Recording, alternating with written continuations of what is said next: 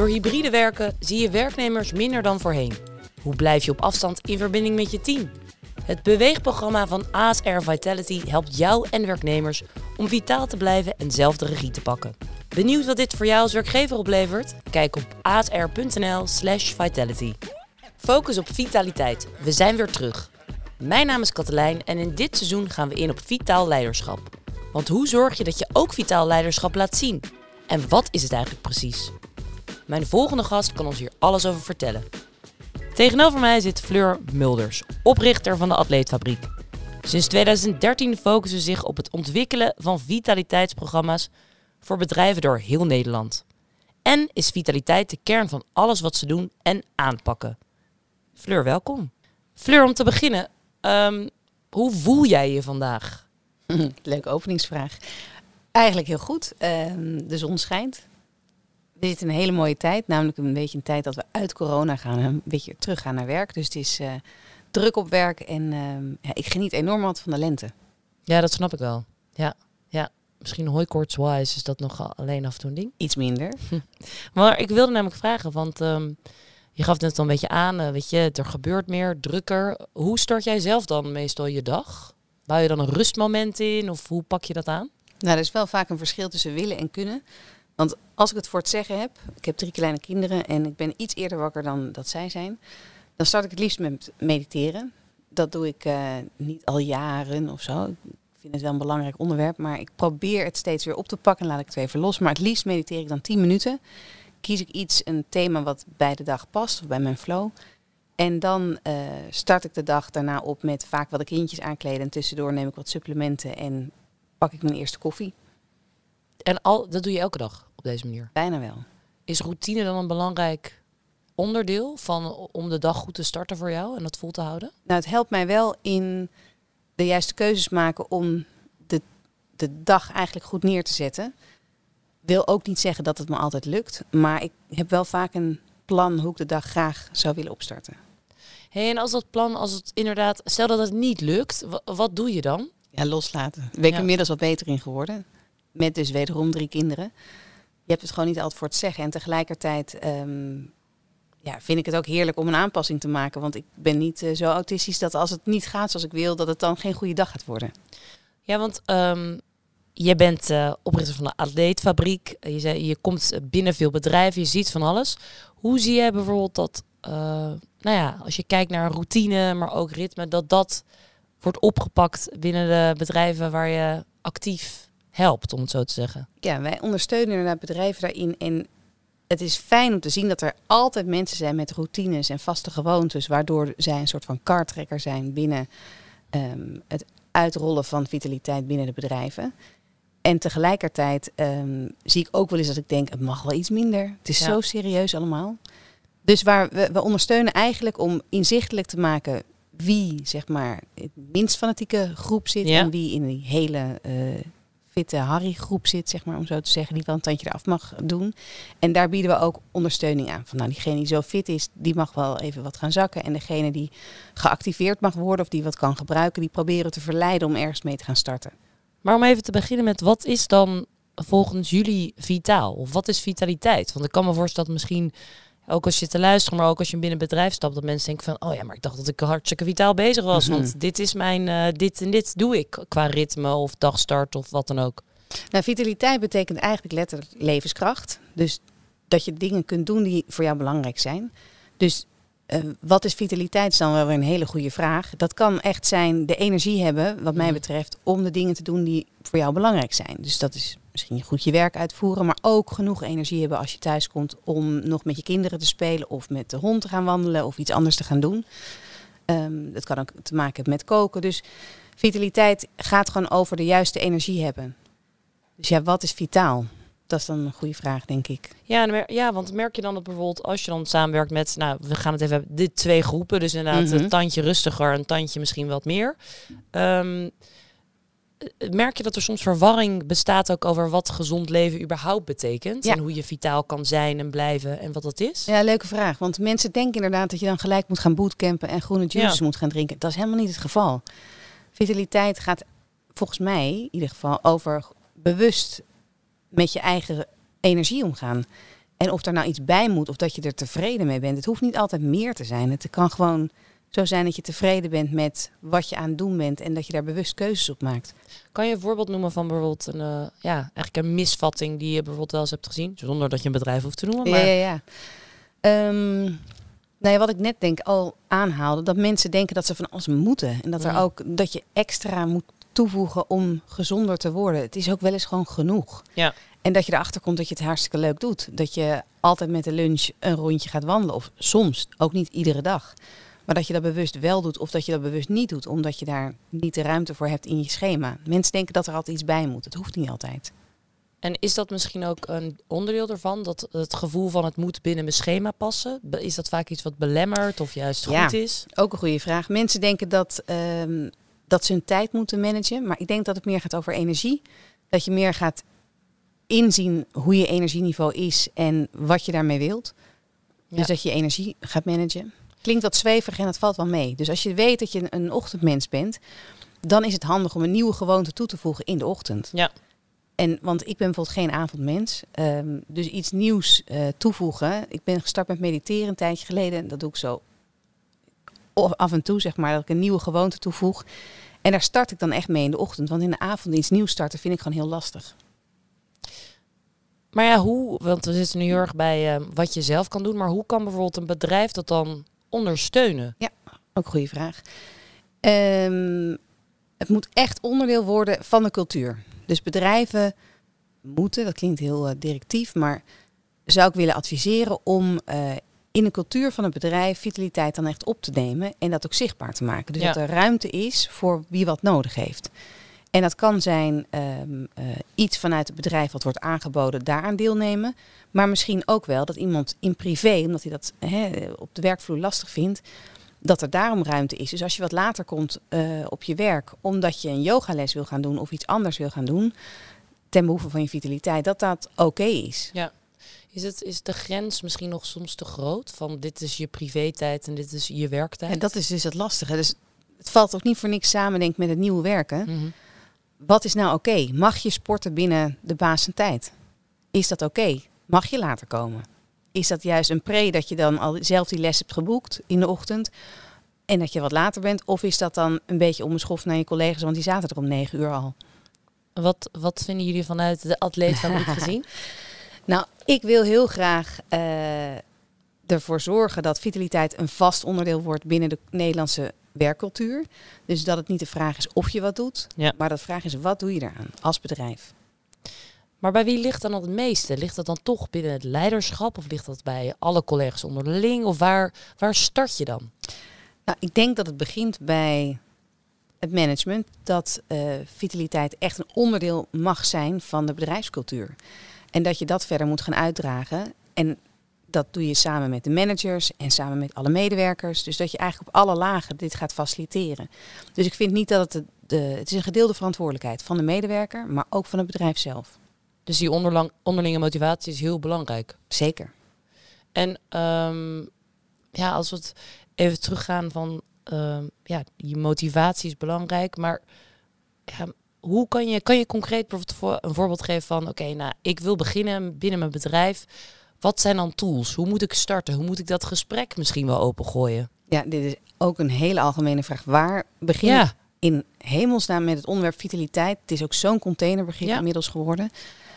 Ik denk dat je het beste kan beginnen bij inzicht. Waar sta Mm. je als bedrijf? Wat doe je al? Je hoeft niet een enorm budget vrij te maken om met vitaliteit van start te kunnen. Je kan het ook zonder een bedrijf als dat van ons doen. Je kan namelijk eerst eens inzichtelijk maken wat is de behoefte van de medewerker en wat doe ik al. Misschien wordt er al wel aandacht besteed aan vitaliteit, maar is dat helemaal niet zichtbaar gemaakt. nee. Dus ga eens kijken wat je al doet en waar de behoefte ligt. En maak daar dan een plan op om vervolgens met kleine stapjes dat aan te vullen naar waar je naartoe wilt. En wie eh, zou dan dat plan eventueel moeten maken? Is dat dan meer een HR-ding of is het dan een leiderding? Of is het wat je net aangaf? Iedereen moet een tandje erbij gooien. Bij wie ligt dan die verantwoordelijkheid? Nou, precies die drie lagen eigenlijk. Dus je hebt een ambassadeur. Ik Mhm. was dat voorheen, voordat ik dat leedfabriek startte, bij, eh, tijdens mijn baan bij Heineken. Dus iemand die echt denkt, die bevlogen is rondom vitaliteit. Van ik heb dit nodig. Vaak ook is het het beste als dat vanuit een intrinsieke motivatie komt. Want er komt echt wel genoeg weerstand. En momenten waarop je denkt, waarom doe ik dit ook alweer? Ehm, daarnaast vind ik het ook echt dat dat vanuit het bedrijf een verantwoordelijkheid is, vanuit goed werkgeverschap. Maar managers zijn een niet te onderschatten uh, speler in dit geheel, want die moeten ervoor zorgen dat het aan twee kanten uh, werkbaar is. Dat er wel ruimte gecreëerd wordt om hier aandacht aan te besteden. Ja, en, weerstand, wat voor weerstand uh, zou er eventueel kunnen komen? Als ja, je echt op alles. Je krijgt gewoon weerstand. In het begin krijg je het meeste weerstand op zo'n programma, want het past niet, of het is niet van jou, of het is het sluit niet aan bij je werktijden. Je moet bij mensen in hun hoofd ruimte gaan creëren voor dit onderwerp. En eigenlijk heeft iedereen zijn week al lang gevuld. En dit is een nieuw iets vaak wat ertussen gezet gaat worden. En het gaat je zeker opleveren aan energie, want je komt nooit slechter terug van een rondje sporten of een leuke uh, voordracht over iets wat over vitaliteit gaat, tenzij het beneden niveau is. Maar in, in principe kom je er meer opgeladen van terug dan dat je daar naartoe ging. Alleen dat weet je pas als het is begonnen. Ja, want wat, wat kan een uh, leidinggevende of een uh, ja, of überhaupt de rol van een werkgever, wat, wat kunnen zij daarin betekenen?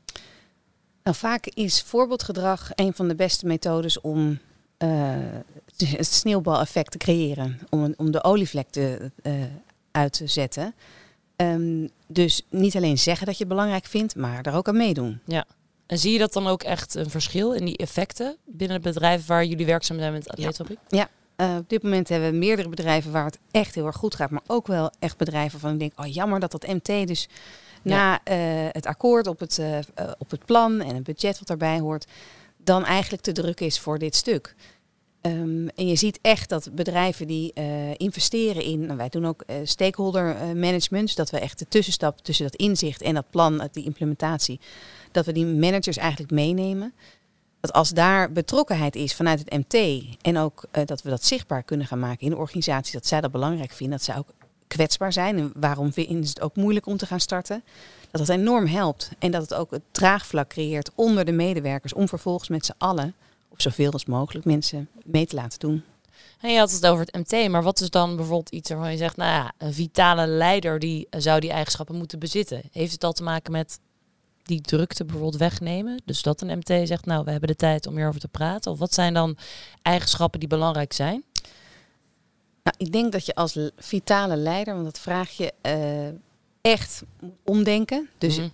het in plaats van um, kosten moet je het zien als investering. Uh, dat je uh, de werkdruk moet kunnen ombuigen naar werkgeluk en wat het je kan opleveren. En dat je met die veerkracht eigenlijk, met dat omdenken, dat je zo je mensen mee gaat nemen.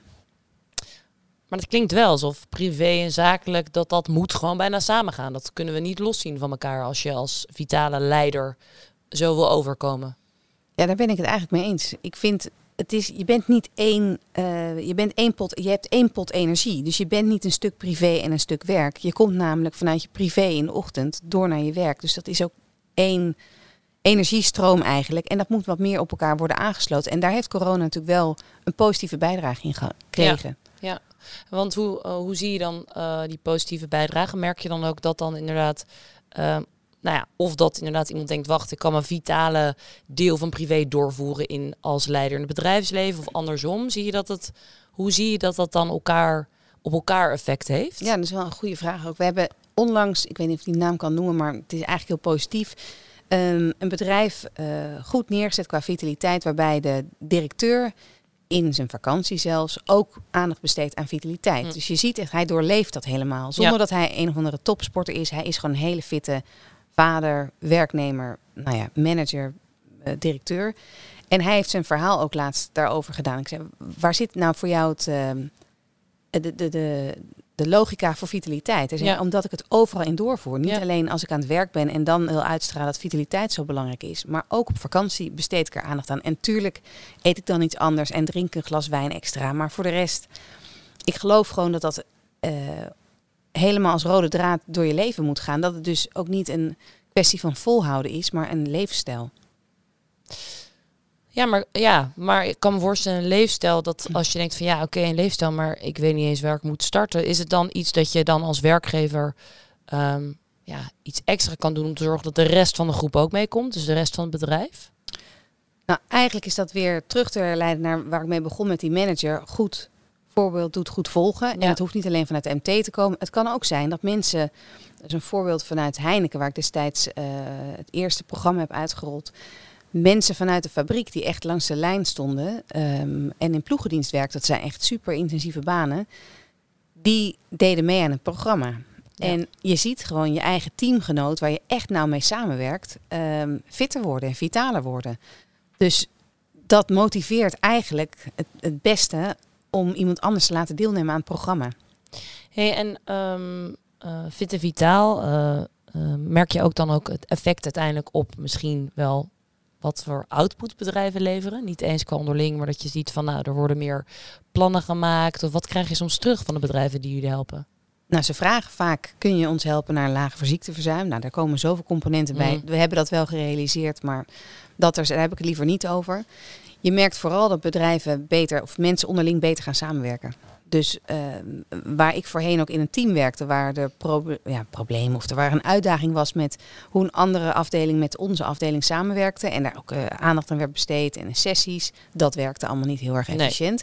Toen wij gingen starten met het vitaliteitsprogramma, wat gewoon een simpel sportprogramma was met hardlopen, merkte je opeens dat die afdeling was veel fitter.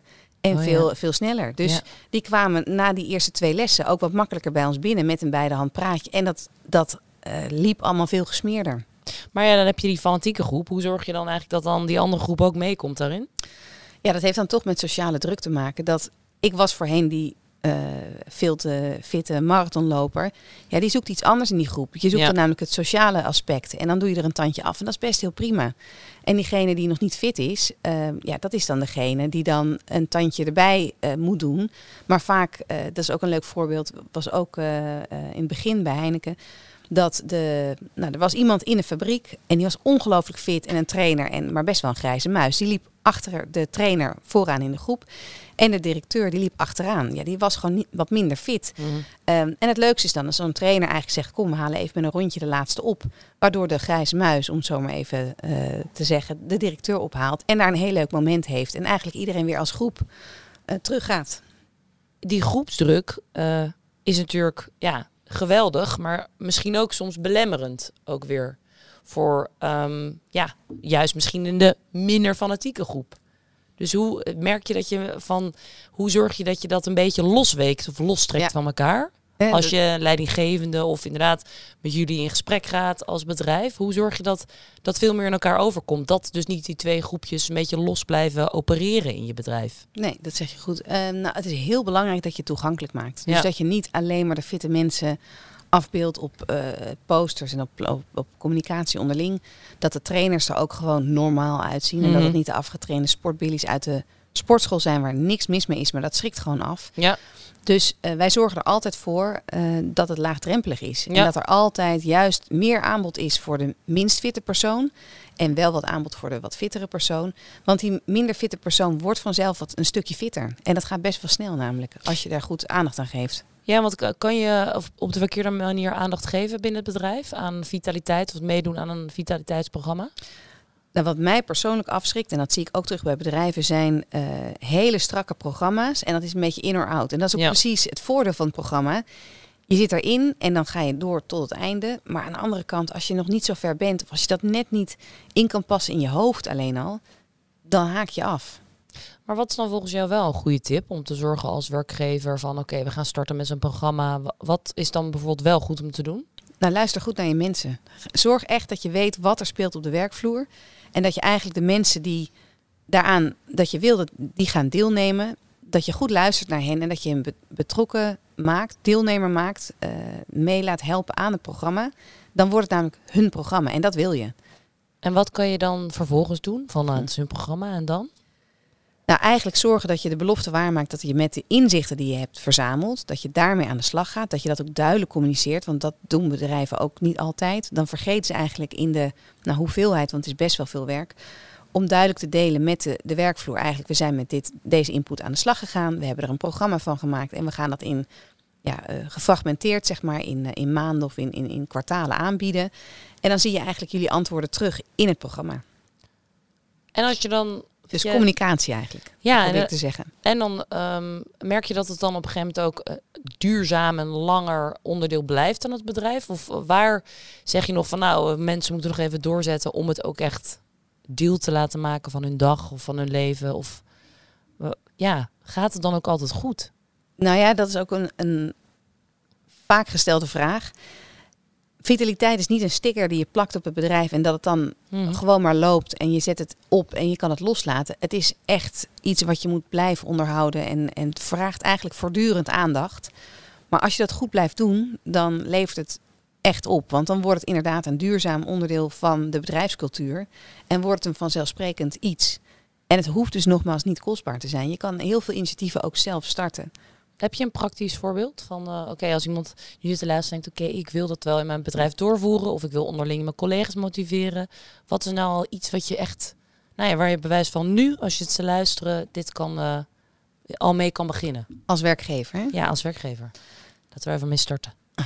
nou, ik heb het natuurlijk heel veel over sport. Dat hoeft niet zo te zijn. Het kan ook een gezonde lunch zijn. Hm. Je kan ook echt zeggen, oké, die lunchtafel, die gaan we gezonder maken. Dus zo hebben we ooit ergens een programma uitgerold... wat natuurlijk over body, mind en food ging. Maar vooral de lunchtafel bleek een heikel punt. Want er zaten heel veel vrouwen die ontzettend veel aankwamen. En met gesprekken met een diëtiste en met een leefstijlcoach... je kon eens kiezen welk type mens je dan het fijnste vond... kwam er eigenlijk uit de gehele groep terug die lunchtafel staat zo vol lekkere dingen. En dat was dus heel goed bedoeld vanuit het management. Je blijft daar maar zitten en eten en een plakje van dit en een dingetje van dat. En omdat het alles zo lekker was, waren mensen een beetje onge, uh, ongelimiteerd daar aan het snacken op een gegeven moment. Dus die lunchtafel is helemaal omgegaan. Dus je kan eens goed kijken wat staat er allemaal op tafel. Wat kunnen we aanbieden aan onze mensen tijdens de lunch. En onderling? Dus als dan uh, de werknemers, wat, wat kan je dan doen? Ja, activeer elkaar.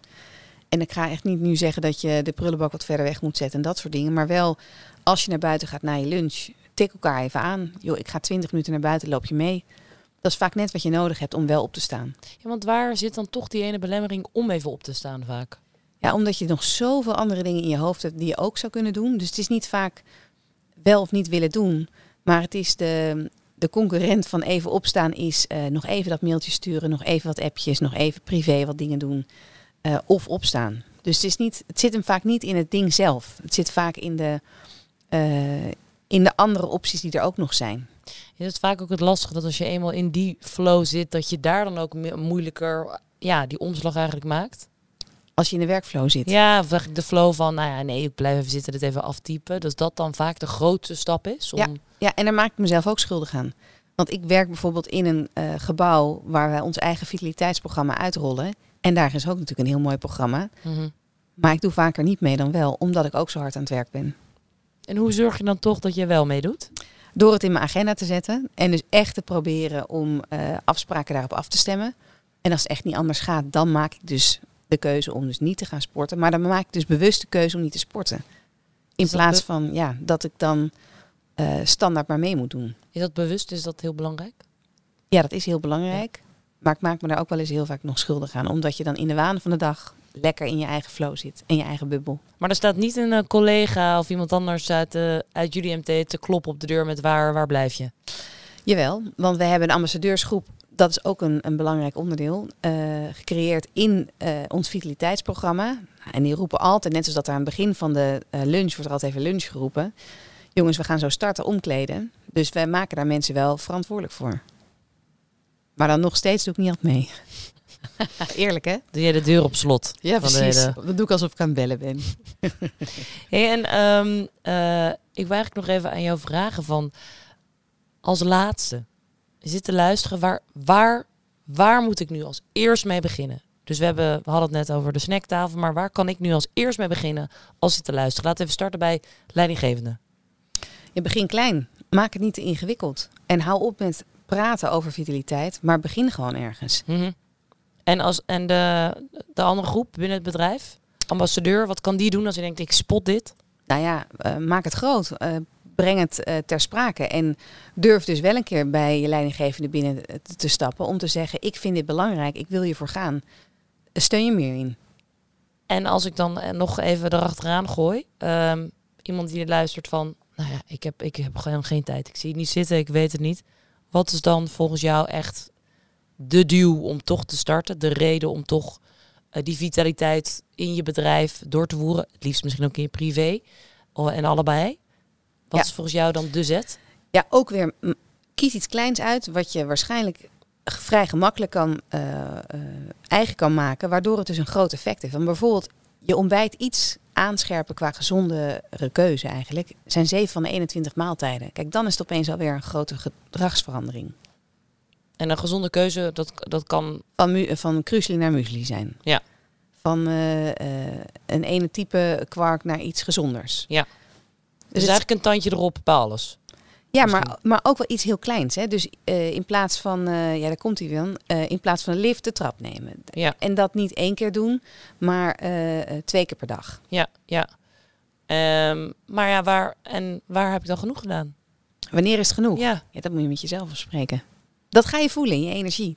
Echt. Maar je moet het wel een tijdje volhouden. En hopelijk wordt het in plaats van volhouden, wordt het gewoon eigen maken. En is het dan ehm, eh, lange duur, dus die omslag bewaken? Wat is daar van essentieel belang voor, volgens jou? Waar ik zelf goed op ga, is beloon jezelf. Ja. Spreek dingen af. Wanneer is het goed genoeg? En pak er dan iets anders bij. Ga dan van het gezonde ontbijt naar nog iets. eh, We gaan dan met die lunchwandeling aan de slag. Is dat, heeft, heeft schuld ook een, eh, een is schuld ook een belangrijke factor? daarin? Schuld is goed. Ja, Als je je schuldig voelt, dan is er groei. Dat is iets uit een eh, boek wat ik onlangs weer heb gelezen. En zo werkt het echt, want je gaat je schuldig maken en voelen. En dat is goed. Omarm dat maar. En als je nu nog even hè, oproept aan de werkgevers en de leiders, wat wil jij dan nog even als laatste boodschap meegeven? Nou, ik vind dat het echt niet meer gaat over of je aan vitaliteit doet, maar de vraag is wat je aan vitaliteit doet. Dat je dat, zeg maar, anno 2022 nu wel mag gaan uitrollen. Fleur, dankjewel. Graag gedaan. Zo, dat was hem weer voor vandaag. Leuk dat je luisterde en hopelijk heb je weer nieuwe inzichten gekregen over vitaliteit.